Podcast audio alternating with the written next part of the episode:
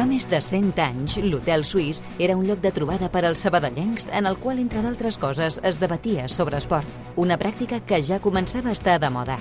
Un segle després, continuem amb aquell esperit històric d'una ciutat estretament vinculada a l'esport.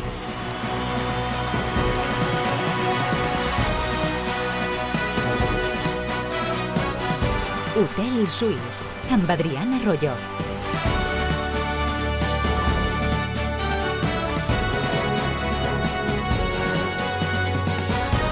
Què tal com esteu? El Sabadell va començar el mes de desembre a 20 punts de la Real B, que era el líder en aquell moment, i acaba a febrer a només 4 del Sanse, que s'ha vingut, evidentment, avall. És només un exemple de les dinàmiques contraposades i sobretot de com els arlequinats estan retallant punts a marxes forçades de forma increïble.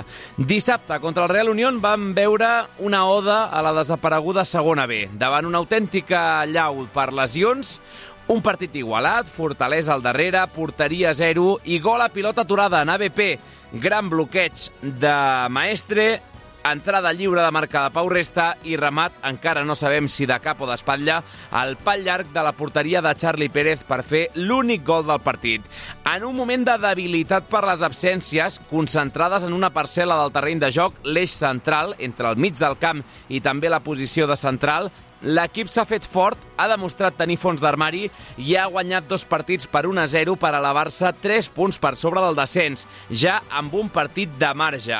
No sé com acabarà això, però el mèrit del que s'està fent és brutal per part del cos tècnic d'aixecar un mort i fer-lo caminar i de la direcció esportiva. Dissabte, un dels nous, Jesús Fernández d'inici, segurament va ser el que més va patir de tots, però també dos dels contrastats que encara no havien sortit en una foto d'11 titular i que l'únic dubte és si el període llarg d'inactivitat farà que pateixin alguna lesió o no en el futur, tocarem ferro i el que calgui, però em refereixo, òbviament, al mateix Maestre i a Calavera, que van signar un gran partit. Si li sumeu després gent com Abde, que va fer jugar l'equip i de quina manera, Pau Resta, Imperial darrere i amb olfacte golejador, o l'aturada salvadora d'Adrián Hurtolà, acabem d'entendre per què l'equip ja ha tret el cap i, sobretot, ha implicat un bon grapat d'equips en la perillosa festa per lluitar per al·ludir el descens. Tot l'esport de la ciutat, d'una a dues a l'Hotel Suís de Ràdio Sabadell.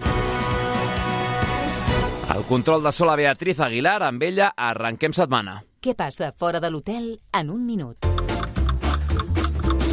El Girona tanca jornada primera divisió masculina rebent a les 9 al Rayo a Montilivi. Ahir el Madrid va guanyar 1-0 al Sevilla amb un gol de Modric a les acaballes. L'àrbitre, per cert, curiositat, va ser Fernández Buergo, el del Real B Sabadell de la setmana anterior a Zubieta. El principal Díaz Mera es va lesionar. Antoni Hidalgo torna avui a Anduba per primer cop des del descens d'Arlequinat allà, a 2 de 9, Mirandés Huesca.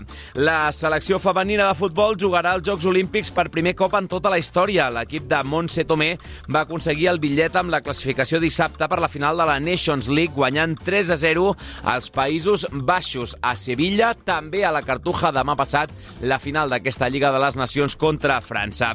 En bàsquet, derrota d'Espanya, 58-53 davant de Bèlgica, segona seguida per la vigent campiona d'Europa en aquesta fase de classificació per l'Eurobàsquet. Té quatre partits per davant l'equip d'Escariolo per esmenar-ho. En voli, el Guaguas Canari guanya la seva vuitena Copa del Rei, 3 a 0 a la final contra l'Unicaja Costa d'Almeria i Cristina Montesinos i Paul McGrath han aconseguit la mínima olímpica. Els 20 marxa, els dos han guanyat el Campionat d'Espanya. Torn del sumari de l'Hotel Suís.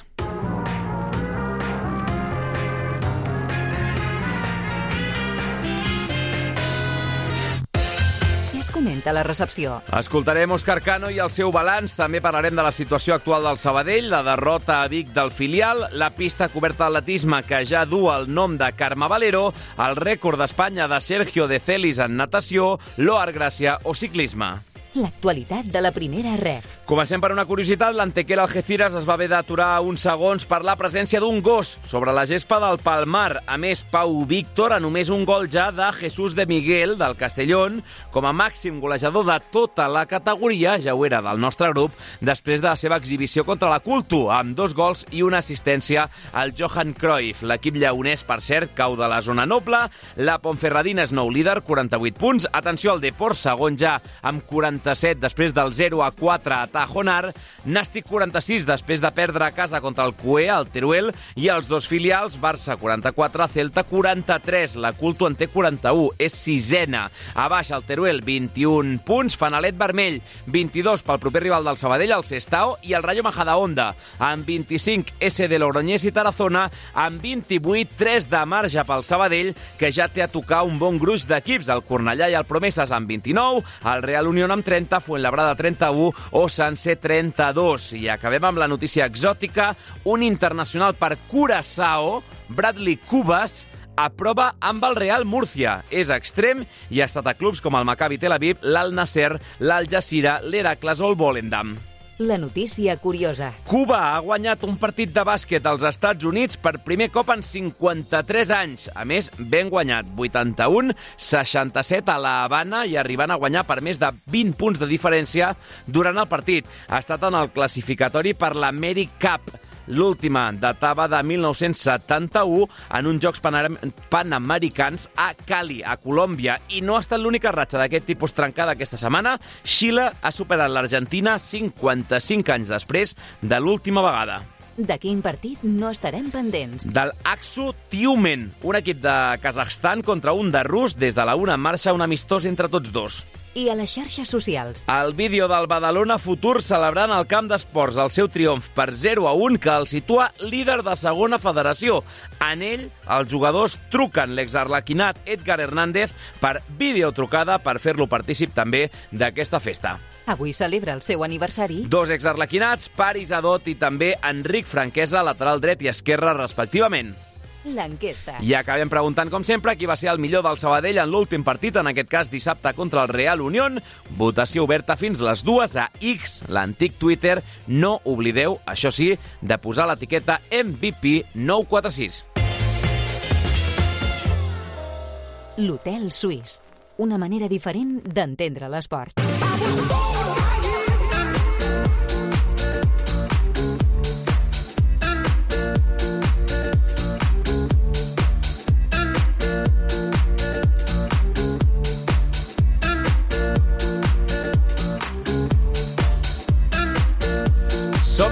10 minuts i mig per sobre de la una, en directe a l'Hotel Suís de Ràdio Sabadell. Una nova setmana, una setmana que ens portarà a cloure el mes de febrer amb el Sabadell 3 punts per sobre de la zona de descens, que es diu aviat per com pintava de negre el panorama fa no res. Segon 1-0 o 0-1 consecutiu del Sabadell, segona porteria a 0, segon triomf arlequinat amb sensacions similars fins i tot en el capítol d'haver de sobreposar-se a una autèntica llau de baixes que ha anat a més des del partit a Zubieta fins al de dissabte contra el Real Unión, però malgrat això 6 de 6 per l'equip d'Òscar Cano. Sergi Garcés, què tal, com estàs? Bona tarda. Molt mèrit té el que està fent l'equip en general, però en concret aquestes dues setmanes amb aquest eix central la zona de defensa amb Amelívia, amb Ricard Pujol i sobretot la zona dels pivots tan marmada per les absències, eh? Sí, en la, aquesta llau de contratemps, eh? en forma de, de lesió gairebé tots ells, algun dubte que s'havia mantingut fins a l'última hora, però al cap i a la fi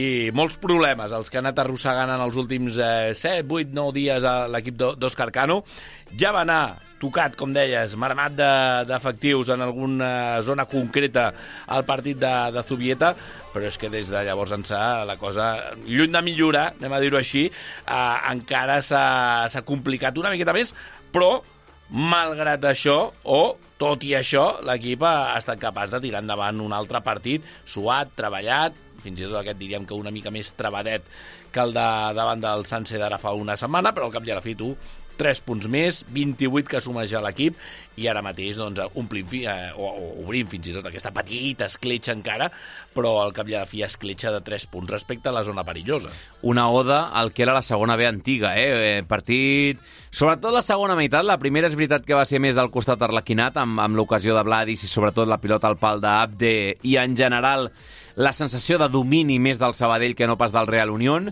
La segona meitat sí que va ser més, més grisota, més ensupida i, i al final el desllorigador va ser l'estratègia, o sigui que per la manera d'arribar al gol, per al minut fins i tot a les acaballes, quan faltaven 10 pel final, per la porteria zero, per tot és una oda a l'antiga segona B. Sí, i sobretot això, no? aquests partits que sembla que han d'acabar sense gols i que cap dels dos equips eh, vol fer-se més mal ja del just innecessari, al final una acció d'estratègia d'aquestes de pissarra va acabar doncs, eh, trencant l'equilibri, trencant la, la igualtat, perquè és cert que ni abans, i parlo només de la segona meitat, perquè ja has repassat tu les ocasions de la primera, ni després eh, va passar gaire cosa més que no fos el gol de, de Pau Resta que va donar aquesta victòria, que va donar aquests tres punts a l'equip d'Òscar Cano, com, com estem comentant, eh? en un partit que, que naixia amb molts problemes i que portava doncs, a, de, de, de corcolla, en aquest cas, el, el tècnic granadí a l'hora de confeccionar la convocatòria i, sobretot, l'11 titular. Va, noms propis d'aquest 11 que dius tu ara, el de Jesús Fernández, l'ajornem a demà, que demà l'escoltarem al futbolista asturià, però, evidentment, és una de les novetats introduïdes arran d'aquesta llau que comentàvem de baixes, però per mi dos dels que més em van agradar, amb el permís d'Abde, és que, clar, ara anava a dir... Em van venir al cap, eh? D'Abde, que va fer un partidàs, de Pau Resta, que va ser clau, i fins i tot d'Hortolà, que treu una mà molt bona, però per mi fan molt bon partit. Pel període d'inactivitat tan llarg que portaven, tot i saber de la seva experiència i del seu saber fer, Sergi Maestre i Jordi Calavera, que van haver de jugar de titular per primera vegada tots dos, quan segurament no tenen aquest punt de rodatge encara que, que se li pressuposa un equip que està en dinàmica de, de titularitats, etc i que en canvi van, van ratllar un nivell molt alt, realment. Sí, els havíem vist jugar estonetes, molt poques estonetes, molts pocs minuts a, a l'un i l'altre, però és evident que els dos eh, s'estrenaven amb aquesta titularitat qualitat davant el Real Unión i, i estic d'acord, eh? van, van estar a un molt bon nivell, cadascú a la seva parcel·la, demostrant el per què eh, no ens oblidem, venen de superior categoria. En el cas de Calavera, d'aquesta inactivitat després d'haver-se quedat fora de, de, del mercat d'estiu, sense, sense equip, després del seu últim pas pel Club Deportivo Lugo de la temporada passada, i en el cas de Sergi Maestre, també aquesta inactivitat, però aquests uh, últims anys a, a l'Albacete, club del qual ha vingut procedent en aquest mercat d'hivern. Per tant, la qualitat és evident, el nivell és evident, però calia veure també com responien al fet d'aquesta aquest, falta, tornem-hi, de, de, de minuts de competició, que al cap i a la fi és el que tot jugador tot, troba, troba, troba a faltar. Una reacció col·lectiva, abans de que parlem dels noms propis, que ho farem després. Eh? Després eh, escoltarem, de fet, Òscar Cano parlant tant de Calavera com de Maestre, però abans, eh, mira, quedem-nos amb el tècnic andalús parlant sobretot d'aquesta reacció col·lectiva, eh? d'aquesta fermesa que està demostrant l'equip, ara que li venen maldades en el capítol de lesions, i per contra, doncs on l'equip, lluny de baixar el ritme que està mantenint aquest 2024, també en parlem de seguida d'aquests números de, de l'any, però sobretot com l'equip està tenint un mèrit extra excepcional, diu el tècnic Arlequinat, a l'hora de sobreposar-se a tot això i fer-ho, a més, sense excuses. Fins i tot com un avís, eh?, del que pugui passar quan eh, no vinguin eh, tan de cara les coses. Tiene mucho mérito ganar y evidentemente eh, cuantos menos jugadores tengamos disponibles más difícil es porque eh, el abanico de posibilidades que tienes para alinear, para hacer las, las sustituciones, pues disminuye, ¿no? pero yo confío mucho en esta gente, los veo, los veo todos los días eh, trabajar y, por supuesto que vamos a perder, pero va a ser difícil que, que no nos quedemos de pie, ¿no? Y, y esa es una, una, gran noticia, más allá de los tres puntos que certifican ¿no? que, que una semana más vamos a estar fuera de, de playoff. Anem a parlar d'aquestes baixes. Anem a fer el, el resum per si algú ha anat una mica despistat durant el cap de setmana. Ho deixàvem tot amb quatre interrogants en la prèvia del, del partit. Uh, ja, ja n'hi entro en les 3-4 setmanes de Salvador, de Ricard Pujol, tot i que van per bona via i estan crevant terminis. Però dels quatre dubtes, el mateix dia de partit es confirmava que el cop al bessó de Melívia era més del que semblava, que al final té trencament, que també té nassos, eh? Uh, i, I estem parlant ja mm, de, de més i mig llarg, en el cas de, del Basc. Baena, que era dubte i com dèiem tenia bones sensacions, va forçar la màquina no per jugar d'inici, però sí que la van veure una estoneta sobre el terreny de joc.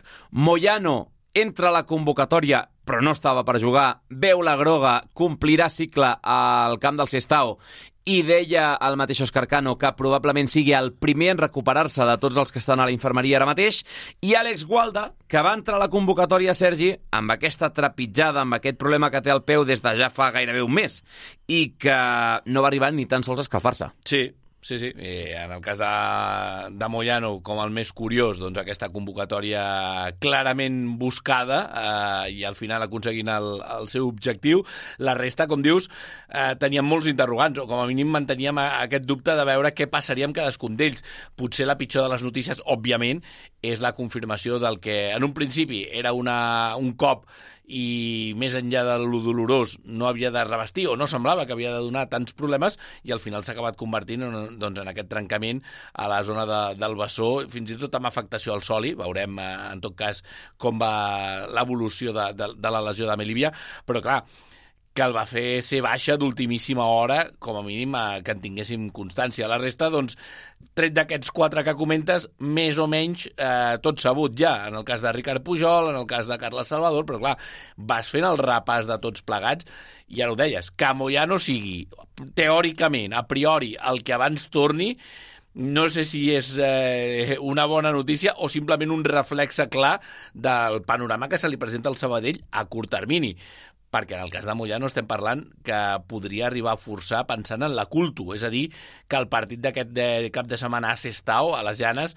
pugui ser l'últim, que pugui tornar per jugar el partit a casa davant la Cultural i Deportiva Leonesa, això en el millor dels casos. La resta doncs, s'aniran doncs, incorporant a mesura que vagin passant les setmanes i les jornades. I Òscar Cano, que també ha parlat fins i tot de, del per què de tants lesionats concentrats en pocs dies. Sí, eh, de seguida el sentim perquè va tirar molt de, de lògica. Abans, però, aquest punt de, de parlar fins i tot d'un puntet de mala sort en aquests 10 dies últims on l'equip, com diem, està tenint tot aquest reguitzell de contratemps. Y se ha complicado todos los últimos 10 días, que tampoco es normal, ¿no? Es verdad que el, este deporte es tan incierto eh, y que evidentemente para lesionarse solo hace falta una cosa, que es jugar. Y como estás jugando te puedes lesionar. Y del mismo modo que para morirte solo hace falta una condición, que es el hecho de estar vivo, pues, pues pasa lo mismo aquí, ¿no? Pero hostia, muy, muy mala suerte, ¿no? Es decir, no es normal que caigamos tantos. Doncs no, no és normal, la veritat. No és normal que caiguin tants i tant a la vegada. Sí, però com dius, eh, ja ho apuntaves abans, però Òscar Cano va tirar en aquest cas de flema, no sé si britànica o no, en aquest cas granadina, a l'hora de deixar clar que, que això és fruit de la feina, que al final fins i tot reconeix que ell és molt exigent, que marca molta intensitat en els entrenaments, que pot estar provocant algun d'aquests eh, contratemps, però que són contratemps de treball, treball de partit, treball d'entrenament, i que al cap i a la fi gairebé eh, tira allò de, també de molta obvietat. Si ha de posar-ho en una balança, diu que és un preu que està disposat a pagar perquè si no aquest equip no es pot permetre això de baixar el pistó. La de los porteros eh, son situaciones de que el balón le golpea en los dedos de manera anormal, eh, a Walda lo pisan en el dedo de, del pie, eh, a Melivia la lesión es porque eh, Abdel le, le, da una patada en el gemelo, eh, Sander porque al ir al suelo se deja una rodilla atrás o una pierna atrás y, se le jode la rodilla, es decir, eh, no hay una causa que no sea el estar jugando al fútbol y la mala, y la mala fortuna, ¿no? I com hem dit, la llau de baixes que va provocar Sergi canvis obligats a l'equip i, com dèiem, de Jordi Calavera i de Sergi Mestre, que nosaltres ja hem parlat, també hem d'escoltar Òscar Cano fent-hi referència. Sí, perquè ho estàvem comentant ara fa una estona, no? Aquesta titularitat de tots dos, amb permís de, de Jesús Fernández, els dos noms eh, propis, sobretot perquè van, eh, tornem-hi, eh, van ratllar a un molt bon nivell, tant Jordi Calavera com Sergi Maestre en les seves respectives posicions, i com havíem comentat abans, els dos havien tingut minuts però no havien jugat encara d'inici i per Òscar Cano també és una obvietat el fet de dir que a aquestes alçades de pel·lícula no cal descobrir ni el de l'Hospitalet ni el de Cabra del Camp. Calavera y Sergi, pues es que hay poco que, que contar, ¿no? Es decir, se, se, uno les mira la trayectoria a cada uno de ellos, a los dos, y se cuenta, se cuenta todo solo, ¿no? El saber estar, el, el pozo que tienen cuando tienen la pelota, el, el, siempre elegir la mejor opción, eh, tanto en campo propio como en campo contrario, y, y, dos jugadores más que se suman a, a la causa, ¿no? y eso es muy, muy importante. I això sí, el míster vol anar amb tacte, no sé si una mica espantat per tot el que li està passant a Adrià a l'equip en aquestes darreres jornades en forma de lesió, recordant aquest punt d'inactivitat. Eh, que També és veritat que la pregunta anava per aquí. Sí, eh? no, anava un, un punt tendenciós allà de buscar aquest punt de resposta, però és obvi, al final els dos el que diem, ni Sergi Maestre a l'Albacete, ni en el cas de Jordi Calavera, que estava sense fitxa, tot i que s'estava entrenant, com ja vam dir en el seu dia, amb el Club Deportiu Castellón al llarg de tots aquests mesos, tenien o tenen fins ara aquest ritme de, de, de competició i ara sí que se'ls ha d'exigir, o com a mínim l'equip els necessita perquè estiguin a disposició. Per tant, Òscar Cano, insistim, precabut com és en aquest sentit, veient com està el panorama, com és la fotografia general de l'equip al llarg d'aquestes últimes setmanes, té clar també que cal vigilar i molt a l'hora de no sobrecarregar-los i de no tenir cap ensurt que pugui fer que tornin a frenar el ritme ara que l'estan agafant. Hay que tener mucho cuidado con ellos porque es cierto que Sergi viene sin competir desde creo diciembre de 2022. Es una, una exageración, no ha tenido muy, muy mala pata con las lesiones, pero ya habéis visto cómo juega el fútbol, cómo para las cosas, cómo es capaz de acertar siempre y Calavera pues en una posición que, que no es la suya, que es novedosa, de momento pues no tiene esos recorridos, ese, ese punch que ha tenido siempre por fuera, pues bueno, pues lo utilizamos en lo que de momento puede hacer bien, ¿no? Y, y creo que han hecho los dos, los felicito públicamente porque han hecho un, un gran partido.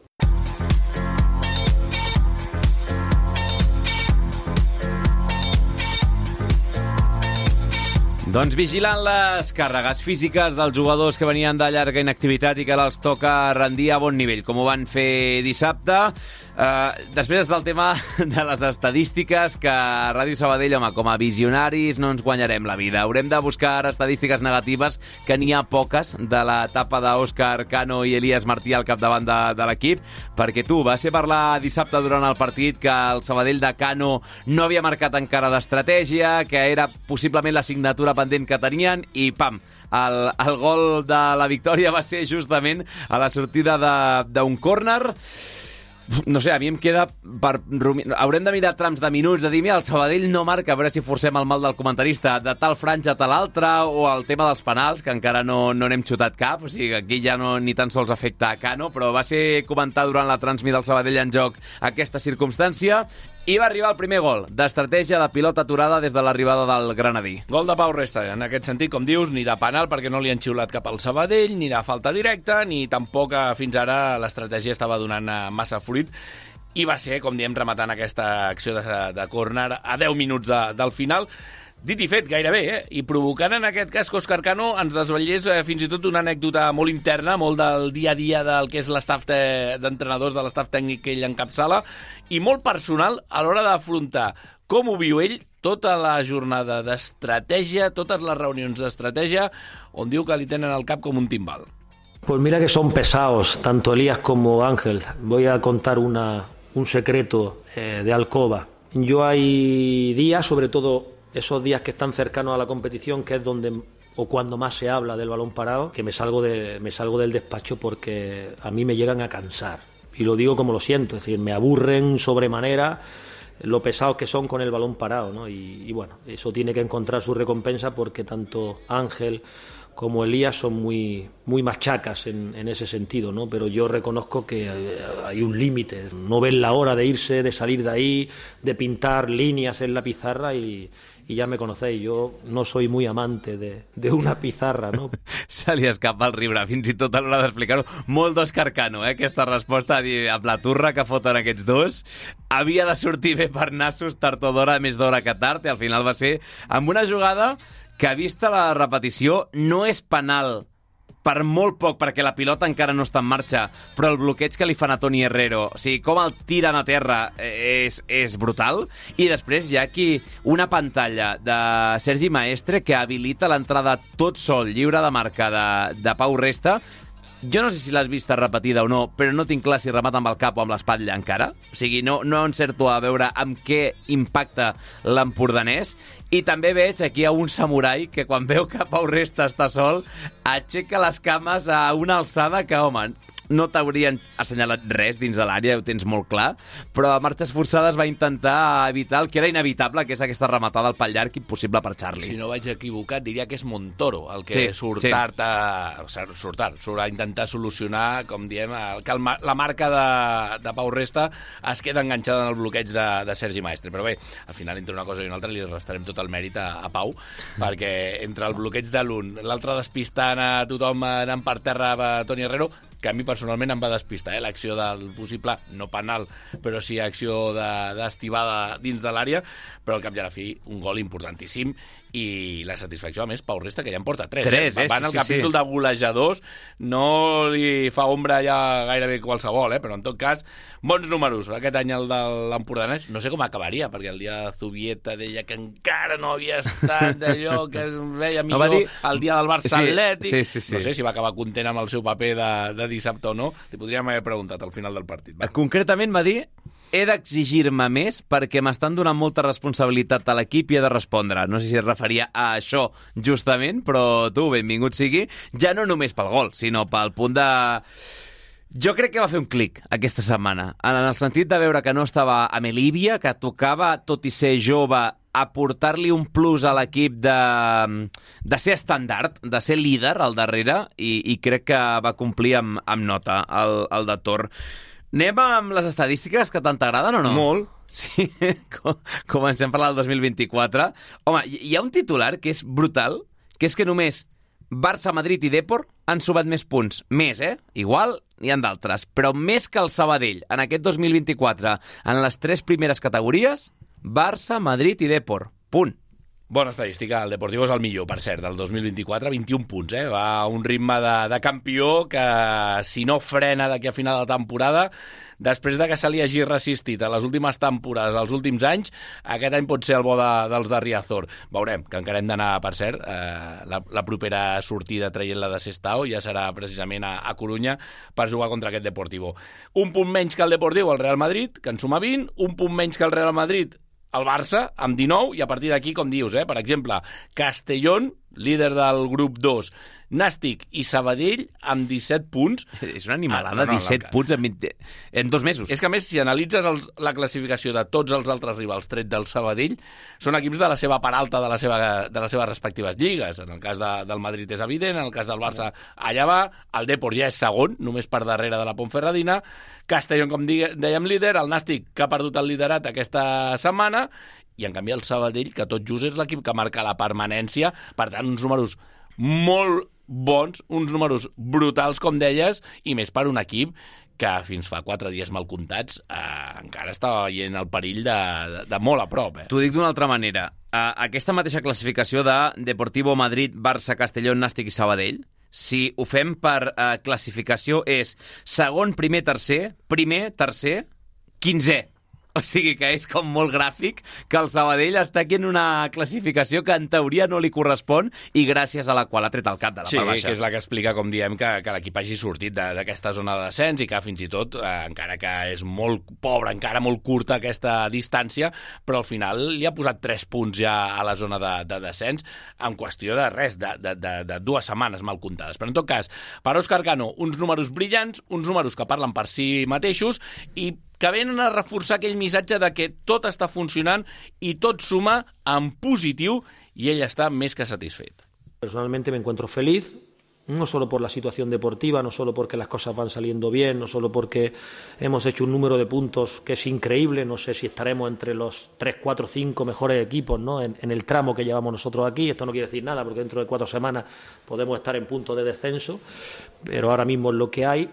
Y repito, no solo por esto, sino porque me he encontrado una ciudad entregada con su club, Estava encantat fins i tot amb el producte local, eh? amb el mercat central, amb passejar per les cafeteries de la ciutat, molt de la vida quotidiana, deia Òscar Cano, amb el qual el Sabadell no deixa de marcar també a última hora. Eh?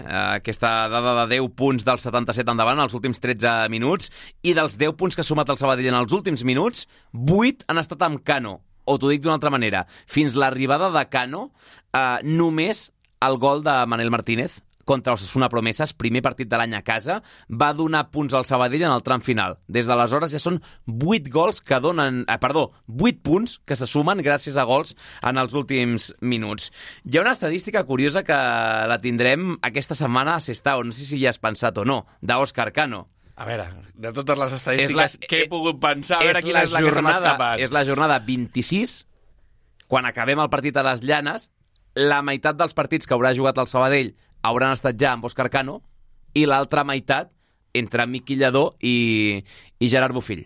No facis comparacions perquè és evident que els números eh, deixen molt clar el, el devenir, sobretot la progressió que, que ha mostrat aquest equip. Però bé, en tot cas, el que segur que demostren aquests números és les sensacions que diu Òscar Cano que ja tenia quan va acceptar el repte. No sé si ho tenia tan clar com diu ara, però bé, en tot cas, eh, alguna cosa devia haver-hi perquè va venir, va acceptar aixecar el vol i la veritat és que l'equip li, està, li està responent. Ho dic això perquè ha tornat a insistir, el que ja li hem escoltat en més d'una ocasió, Adri, convençut que aquest equip era millor que el que deia la classificació llavors, i això sí, a l'hora de repartir mèrits, gairebé diríem que el tant per cent més elevat li dona als jugadors a l'hora d'haver estat capaços de creure en el que se'ls deia, creure en el missatge i ser conscients de que ho havien de tirar endavant ells des de dins del camp. Yo lo primero que les dije a los chicos cuando llegué es que eh, yo sentía que había mucho mejor equipo que el que indicaba la clasificación, ¿no? Y, y bueno, es decir, uno puede venir con, con, mucha ilusión, con la energía a tope para tratar de transmitírsela, con sus ideas, con todo lo que, lo que queramos decir que forma parte del día a día de, de un entrenador, pero si ellos no quieren es imposible. Yo todo el mérito, y lo digo en serio, se lo doy a ellos, ¿no? Porque eh, es que no es normal cómo entrenan, no es normal cómo compiten. Y eso ha hecho que no sea normal tampoco que un equipo que estaba hundido, pues de golpe y porrazo en dos meses y pico, pues tenga 28 puntos, ¿no? A modèstia no el guanyaran, eh? Tampoc a Òscar Cano, aquí repartint els mèrits i fins i tot descarregant-los, o sigui, atribuint-los directament a la plantilla als, als jugadors. Si passem pàgina, avui, per cert, entrenament de recuperació, crec, no? No, ahir, ahir. Ah, ah sí, perdó. Avui, sí, sí, sí, avui demà, descans això, per la Això em referia. O sigui, M'ha jugat una mala passada, l'havia jugat el dissabte i no pas el, el diumenge. Uh, toca Sestau, ara. Toca un rival directe fa dos dies, que continua sent tu ara, però amb dos partits de marge. És que la situació ara és anar-me molt més enllà. Però si pel que sigui el Sabadell encadena una tercera victòria en aquesta trilogia de partits contra equips bascos, et situes 9 per sobre del Sestau River i amb l'Avaràs guanyat, que serien 10, que és una altra cosa que, que era impossible de preveure. Sí, ara mateix són 6 els punts de diferència, com dius, respecte al conjunt de les Llanes. Toca tornar a un camp eh, mític, en aquest cas del futbol espanyol, encara que sigui amb un equip de refundat, un equip de, de nova trinca com és aquest Sestau River, però a més uns números també que caldrà veure sobretot perquè no sé què et diria tu al nas. La sensació és que anar a les llanes és molt complicat, tens aquella sensació una mica d'hipurua de l'època de dir, buf, allà ha de ser gairebé impossible. La realitat és que només han guanyat tres partits com a local, el conjunt ara, ara mateix basc. Eh, els viscaïns només han guanyat tres partits davant de la seva afició, venen de perdre 4-0, a més amb el Celta Fortuna. Això... has vist imatges? Sí, he vist. A... És, avui a la redacció hem tret el pitet directament. Clar, el, que... el Celta fet de Celta una altra vegada. El primer Fortuna. és que et fan un, et ballen i Però... després marquen uns golassos que, que clar, és eh, Increïble. difícil. Però en tot cas, com diem, avui m'estava fixant en aquesta estadística, ja que mirem de números, perquè pensar, com de difícil és anar a les llanes? Doncs bé, l'estadística diu una cosa que potser la realitat de la sensació et transmet una altra. En tot cas, per Òscar Cano, allò de no fixar-se en rivals, no fixar-se en què, sinó mirant el Sabadell i en continuant la línia del camí del treball. I l'objectiu Diu allò de perquè l'afició acabi estant més que orgullosa de la seva gent, dels seus jugadors i del seu equip. Seguir construyendo un, un Sabadell competitivo eh, y a poder ser que la diosa Fortuna nos vaya también entregando los puntos que ese vestuario merece, porque lo más importante no es cómo me sienta yo, porque yo estoy de paso, sino que consiga el Sabadell, eh, que su gente esté orgullosa de lo que hace su equipo en el, en el campo y que los jugadores sigan, sigan como van. Doncs tant de bo, tant de bo que segueixi aquesta inèrcia positiva, començant pel partit d'aquesta setmana, diumenge, eh? no serà dissabte sinó diumenge, ara anem amb, amb l'horari. No ho diries mai, però a Barreiro va ploure durant el Celta Fortuna Sestao River, i a mi deies tu, el rendiment del Sestau a casa. És veritat que li ha costat molt fer gol aquesta temporada, sobretot en el tram inicial a l'equip viscaí, però en línies generals independentment del suc que li treguin a les llanes o no, a mi el que em ve al cap és el prototip de futbol del nord. I si plou, més encara. Però aquella sensació de joc aeri, de segones jugades, d'anar directes, d'anar al xoc... Potser és un clitxer que tenim cada vegada que anem al País Basc i no sempre és així, però a mi les llanes em transporta aquest tipus de futbol, I independentment de resultats. Suma-li en aquest cas eh, Camp Petit, en quant a forament em refereixo, i afició que apreta... Havia entès que han patit. No, camp, Dic, camp, camp petit, petit. Terreny de joc petit, sí. I, I a sobre amb un aforament de públic d'aquells fidels, eh, d'aquella afició que, que més enllà del que digui la classificació, fins i tot et diria, més enllà del que digui la categoria, ara, en aquesta primera federació, són uh, una d'aquelles aficions fidels que sempre, sempre donen càliu. Veurem, en aquest cas, l'ambient que es troba al Sabadell en aquest partit de, de diumenge. Recordem, a més, diumenge tard, eh? eh juga aquesta vegada, 6 de la tarda, per tant, eh, nova jornada, la 26a ja, amb un Sabadell que, com deia Madri, torna a la feina dimecres, avui han tingut descans i demà també,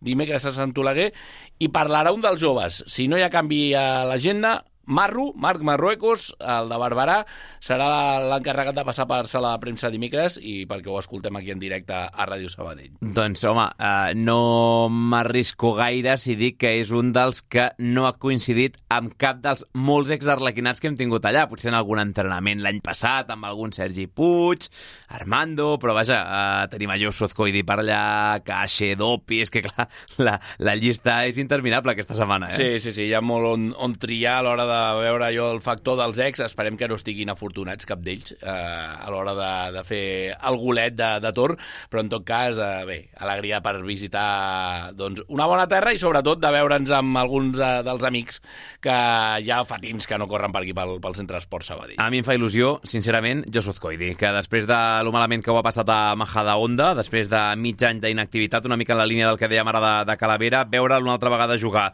una estoneta en el tram final, va veure groga Barreiro Barreiro contra el Fortuna i una estoneta en el partit d'abans, doncs a mi em fa especial il·lusió que torni una altra vegada al de la Sarteoria. Per cert, a nivell personal, eh, diria que com a 94.6 segur és la primera visita a les Llanes. Segur, segur. Tu tampoc has estat, no? No, no, segur, segur, ja t'ho dic, que ni a, ni a les Llanes, ni com, a, ni com a aficionat, ni com a periodista. Per tant, estrena també en aquest sentit un estadi que, que visitarem que no sé si ens hem de portar allà un banderinet per donar-li al Sestau.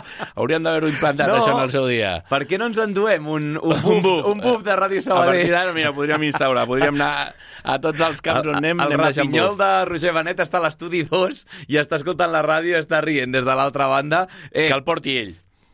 Què ve, el Roger Benet? Sí, per això dic, que el porti sí no? ell. Serà l'encarregat de fer el lliurament. M'encantaria, m'encantaria. Ho parlem amb administració. Tercera planta, que ens en doni un, i el fem signat també per tota la plantilla, o no cal.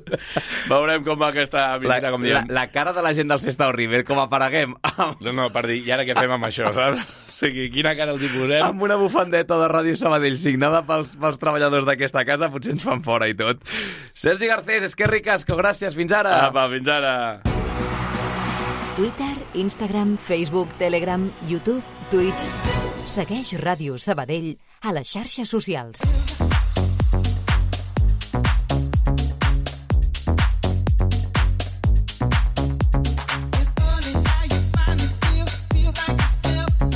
4 minuts i mig per 3 quarts de dues. No tot podien ser bones notícies. El Sabadell B, per contra, va caure per la mínima, per 2 a 1 al camp del Vic. Anna Clara, què tal? Bona tarda. Bona tarda, Adri. Els tres gols es van marcar en res, en qüestió de 6 minuts només en el tram final d'una primera meitat esbojarrada. Es van avançar els usonencs amb un punt de fortuna. Va empatar Miquel Ostrell de falta, també amb l'ajuda d'un rebot a la tanca, i els locals no van desaprofitar un mal rebuig del porter Nico Pereira per establir el 2-1 definitiu. Ostrell, l'autor del gol arlequinat, treu ferro a la derrota. Nosaltres teníem clar que aquest partit era molt important, perquè sí que és veritat que si guanyàvem llavors ja augmentàvem una distància bastant notable, però nosaltres, al vindre Vic, nosaltres teníem clar que el Vic no era un equip a, per no prendre's en sèrio, que, que el Vic era un equip molt, molt ben format i que ens anava a costar i mira, el resultat va ser el que va ser i, i sí que nosaltres potser podríem haver fet coses millor, però no se li ha de treure mèrit al Vic, que és un equipàs. En la prèvia del partit ja alertava d'aquesta dada i ha anat a més, malauradament, el tècnic Conrad Garcia un altre cop partit televisat del Sabadell B, sinònim de derrota. Només ha perdut 5 partits en tota la Lliga Elite, en tot el que portem de temporada l'equip de Conrad Garcia, i en canvi la dada amb la presència de les càmeres de la xarxa més és de 0 punts de 9 possibles. Per tant, gairebé és una malastrugança ja. Cada vegada que el partit és televisat és derrota del Sabadell B i mira que arriba a perdre poquet, aquest filial arlequinat. Al marge d'aquesta anècdota, Clara, la jornada, la veritat és que, tot i la derrota del Sabadell, no va estar gens malament, va tornar a ser força propícia, eh? Òbviament el Vic encara li retalla 3 punts, però el líder Europa B va empatar a Granollers. Els graciencs li treuen 5 punts al conjunt arlequinat i el tercer, el Figueres, també va empatar al camp del Cué Viladecans i encara és 6 punts per sota. És a dir, que el Sabadell B segueix en ascens directe i amb dos partits de marge. Tot i fer el gol, Miquel Ostrell no va tornar de terres usonenques satisfet, sinó amb la sensació d'haver desaprofitat una bona oportunitat de fer-li un mos a la classificació. És el cinquè, sí que és una, amb una mica de fortuna, però bueno, jo sí, estic content pel gol, però al final perdre aquests tres punts a Vic és, és, és lo, de lo que me'n surto de, de Vic i, i bastant, bastant dolgut perquè era una molt bona oportunitat per a, eh, ja agafar l'Europa i dir-li eh, que venim i bueno, doncs no, no ha pogut ser. I una última dada, Adri. Amb la derrota de dissabte a Vic es trenca la ratxa de quatre jornades consecutives sense perdre des de Conrad Garcia a la Lliga Elite. Doncs uh, una bona inèrcia que s'ha quedat aquí a Vic amb aquesta derrota. I home, ara que escoltava Miquel Ostrell dels 5 punts actuals podrien ser dos. En cas de victòria quedaria tot bastant més ajustat en la lluita pel títol però recordem que tant el primer com el segon pugen directes a la tercera federació i que l'escletxa la té per darrere el Sabadell amb aquests 6 punts de marge del filial respecte al primer que no pujaria directe, sinó que jugaria al playoff. Anna, gràcies, fins ara. Adéu. Publicitat, veig per aquí el Vituri, ha de baixar també al parc, tenim un bon bloc avui poliesportiu, la B Aguilar ens ven quatre coses i a la tornada, per exemple, rècord d'Espanya de natació batut aquí a casa a Can Llong.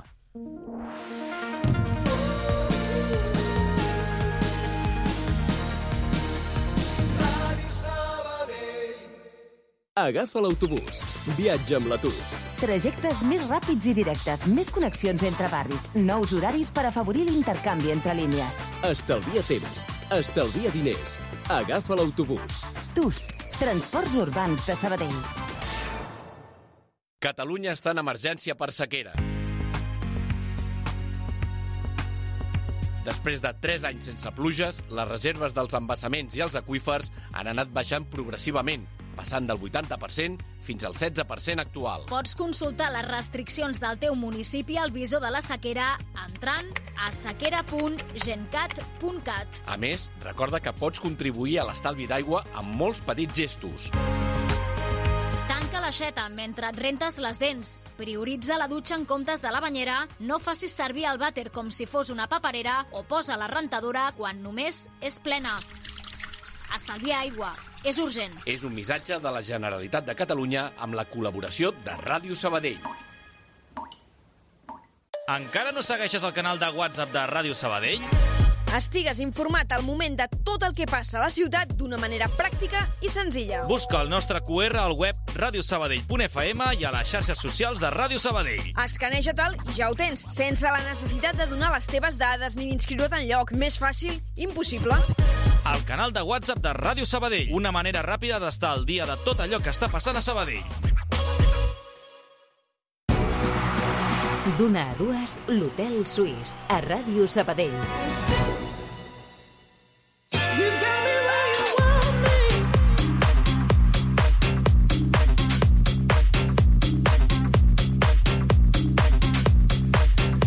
De seguida vaig amb el Pau Vituri, amb el món aquàtic, però és que acabo de veure aquí una imatge a través de X, de Twitter, i vull comentar-la fins i tot amb, amb ell, perquè el company del diari Ara, Toni Padilla, sabadellenc i arlequinat de Socarrel, ha piulat ara fa res uns minutets, 25 de març del 2024, i desvelant com és la portada del seu nou llibre de hooligans il·lustrados, de Libros del Cao, aquella col·lecció que fa un llibre dedicat a cada club de futbol, el del Sabadell. El signarà Toni Padilla, es dirà Mala piel, mala pell, i acabem de veure la portada, Vituri, una ceba tallada, una ceba literal, tallada fent l'escut del Sabadell, traient-li la pell. Està maca, eh? Està molt maca. Sí, sí, sí, és, és, és xulo. És, és, la, la, portada és preciosa, la veritat. Uh, molt representativa del que és uh, la ciutat, el, el club, per tant, estarem entretinguts, eh, aquest, Uh, el, el mes d'abril, amb... Bé, Que en tenim tres, no? en tenim tres. La, el Toni Padilla posa el 25 de març com a data en què De s'estrena. llançament, sí. Però, vaja, quan s'apropi Sant Jordi, eh, tenim el nou llibre del, del Padilla, nou llibre d'Axel Torres... Cròniques balcàniques. I eh, un llibre també que treu eh, Llorenç Tarrés, periodista sabadellenc que havia estat a Barça TV, amb Sergio Lozano, el jugador de futbol sala. Per tant, serà, serà curiós també, estarem entretinguts. Companys durant molt de temps, un com a jugador de futbol sala, l'altre treballant dins del Futbol Club Barcelona al Departament de, de Comunicació, bons amics i, per tant, aquí amb aquest punt de, de biografia també que té el llibre, tres llançaments, tres publicacions que estan al, al caure. Uh, de la de l'Àxel Torres no puc parlar encara, però també tindrem cosetes i bona pinta, bona pinta. Uh, no l'has vist venir, eh, que vindries a parlar de llibres ara? No. Tu que, venies, tu que venies aquí amb el guió de natació, uh, un nom propi, no, no publica llibre, no, Sergio Celis? No, no, no, no. Va ser protagonista. Bé, però sí que el, els llibres d'història Ah, sí, oh! sí que va inscriure el seu, el seu nom ahir. Oh! I en comptes d'una ceba aquí tallada, hauria de ser una campana, Una- en, el, en el seu cas, eh? Una ensaïmada. Ah, també, Per- per perquè és mallorquí, però no, no, no. Ara em referia al rècord que va aconseguir ahir, perquè va ser el gran protagonista de l'última jornada de l'Open d'hivern, que s'ha celebrat aquests dies a Can Llong, a les instal·lacions del Natació Sabadell. El Vituri va ser-hi ahir i, per tant, va poder xerrar una estona amb ell, amb el mallorquí del Natació Sabadell, que, com dic, va fer sonar la campana, el que indica que ha fet ha rebaixat el seu propi rècord en qüestió d'uns dies, dues vegades, d'Espanya a la seva prova predilecta. Sí, el lactòmetre, el 100 lliure, eh, de fet, parles de dies, concretament 11. Els que han passat del rècord eh, que va signar a Doha al Mundial, rebaixant també la seva pròpia plusmarca, i el d'ahir a Can Llong, aquest nou rècord d'Espanya a la prova reina, també una marca que, evidentment, va, ser, va significar el, el rècord del, del campionat. Venia motivat, mentalitzat, de Celis, amb el qual vam parlar just després de fer aquest rècord d'Espanya, de fer sonar la, la campana, i parlava realment d'aquest gran ambient que es va crear a la piscina de, de Can Llong amb el suport del, dels seus companys del Club Natació Sabadell i el suport del públic. A ver, hacerlo fuera y hacerlo en casa es, es muy distinto. Lo, bueno, lo satisfactorio que es, la verdad, es, es que no sé, no se puede describir porque aquí te, cuando llegas te anima todo el público, te aplaude y es algo, es algo increíble, la verdad. S'estava disputant després una prova de braça, eh? D'aquí als, als xiulets. No t'estaven xiulant a tu, no, no, no eren unes cridassa del Vituri, no, de fons? De tot això estem parlant eh, que mm, Sergio de Celis l'any 2021 rebaixa aquest rècord d'Espanya dels, eh, del 100 lliure que feia 6 anys que estava vigent, el tenia Marc era l'Alberdi. Doncs bé, en els últims 3 anys, des del 2021 a l'actualitat, l'ha rebaixat 6 vegades aquest rècord d'Espanya. I el més important, que no ho hem dit encara, Adri, és el temps. 48 segons i 34 centèsimes. 5 menys que la marca que va fer al Mundial, 48-39.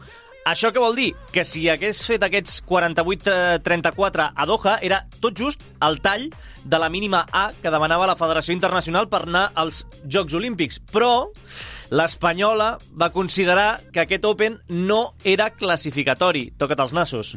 Per tant, per tant, De Celis encara no té el bitllet al 100%, Però la carona, però no? el 99,9%, recordem, té la mínima de consideració, la mínima B, i aquesta marca, el que ha suposat també, Adri, és que ha acabat de classificar definitivament els tres relleus eh, masculins, el 4%, el 4x200 lliure i el 4% estils pels Jocs Olímpics. Per tant, fa les comptades, perquè De Celis també hauria de ser un dels eh, seleccionats per formar part d'aquests relleus. Ara falta que la Federació Espanyola doncs, tingui això en consideració eh, i que no el faci passar pels, pels trials de, de Palma del mes de, de juny. En qualsevol cas, diu De Celis que afronta ara aquests mesos amb la mateixa mentalitat. Lo de siempre, eh, entrenar, eh, seguir mentalizado en, en dar el máximo y, y nada, entrenar sí para los trials, para las Olimpiadas, para todo lo que venga. Doncs uh, aquí no s'està de res. De Celis, el representant del Natació Sabadell, segurament que més ha brillat en aquest campionat d'Espanya d'hivern celebrat fins ahir a la tarda a Can Llong, a les instal·lacions del Natació Sabadell. De la resta, que ens destaques? Doncs mira, bàsicament, el balanç global del, del club en categoria absoluta, eh, 12 medalles, eh, 3 vegades ha pujat De Celis al podi individual, els ors en el, la banda del 100 lliure, el 50 lliure, i també bronze en aquest cas en una prova de, de papallona, el 50 papallona, però també destacar el bon paper d'Àlex Castejón, que ha fet or en els 200 braça i els 400 estils, o també el paper, per exemple, de la jove Clàudia Muñoz, amb la millor marca catalana de 17 anys en el 50 papallona i el 50 lliure. Aquesta última prova eh, li ha servit per, per assolir la mínima per l'europeu júnior de Vilna. Per cert, un apunt més. Ahir hi havia certa expectació per viure el retorn de Mireia Belmonte a la piscina en els 200 estils femenins. Doncs no va participar. L'ex del, del club finalment no va prendre la, la sortida i haurem d'esperar per veure aquest retorn de la badalonina. Doncs no es va llançar a l'aigua aquí a la que havia estat casa seva. Gràcies, Vituri. Fins ara. Adéu. Escolta el programa quan tu vulguis al podcast de l'Hotel Suís.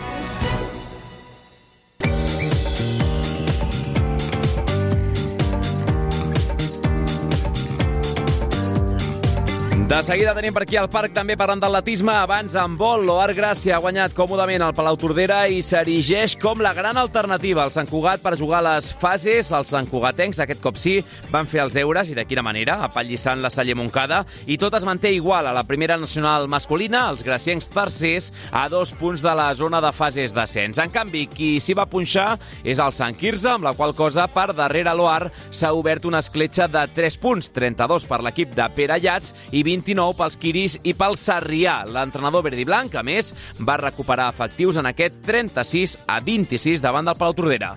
Bon partit per agafar sensacions. Vam tornar a recuperar ja l'Isma i en Manero, que havien estat de, de baixa gairebé els dos un mes per, per lesió i bueno, per agafar sensacions i un partit en el qual on Palau Tordera venia de, de guanyar Sant Cugat la setmana passada i que per tant sabíem que estaven en un moment dolç i, i sabent que ells es juguen la permanència doncs vindrien a, a, per totes.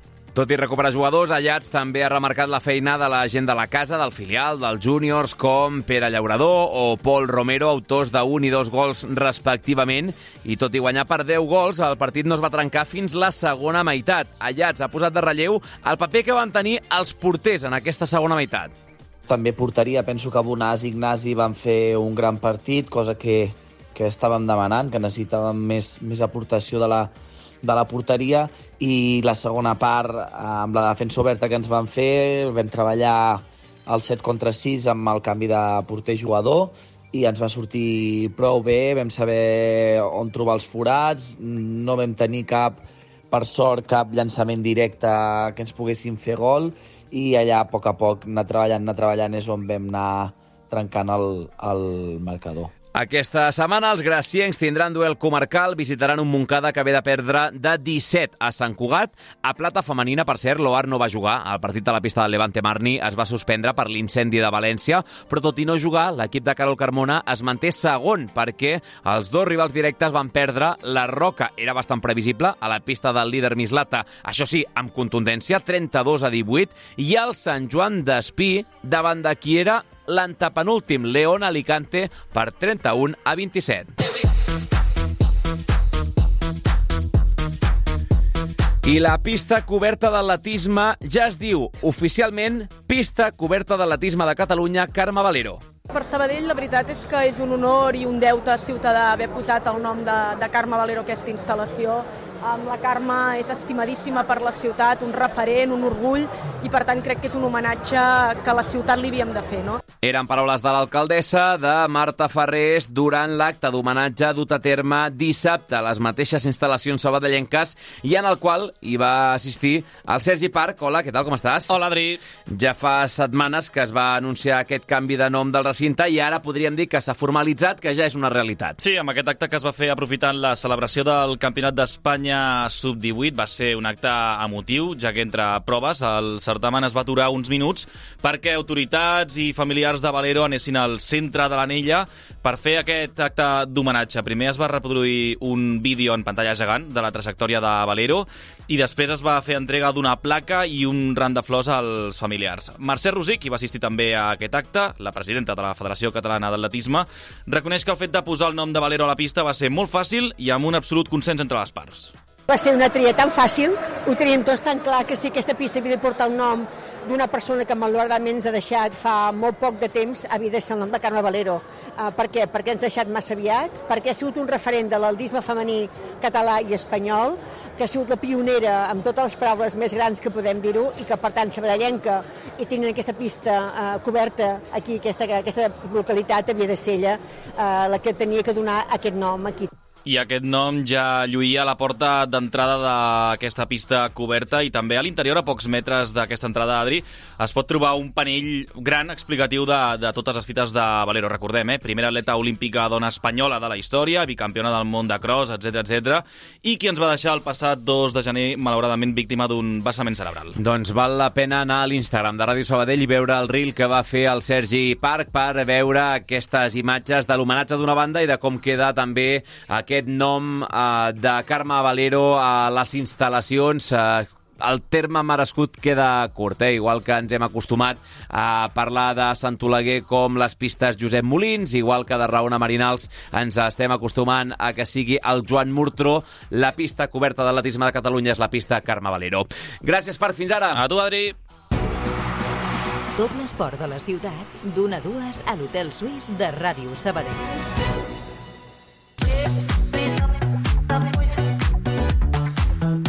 Acabem avui el programa amb un apunt ràpid de ciclisme. David de la Cruz s'ha deixat veure entre els millors do Gran Camino. A Terres Gallegues, el ciclista sabadellenc va estar escapat 113 quilòmetres dissabte en la tercera etapa en final a Castelo de Ribadavia, però la fuga al final no va arribar a bon port, en part per culpa de Vingegaard. El corredor del Q36.5 suís ha fet un top 30. La general, concretament, ha estat el 29è, a 11 minuts i 39 segons del guanyador de Jonas Vingegaard. El desproncer, de més, ha finalitzat finalitzat segon a la muntanya, fins i tot va lluir el mallot de líder de la muntanya, precisament superat només pel danès, per Vingegaard, que cada vegada que va a O Gran Camino triomfa. També ahir, Marta Romance va acabar al lloc 53 a la clàssica d'Almeria. La sabadellenca de l'equip Massi Baster va arribar a meta, a Puebla de Vícar, a 8 minuts de la guanyadora, la nord-americana Lauren Stephens.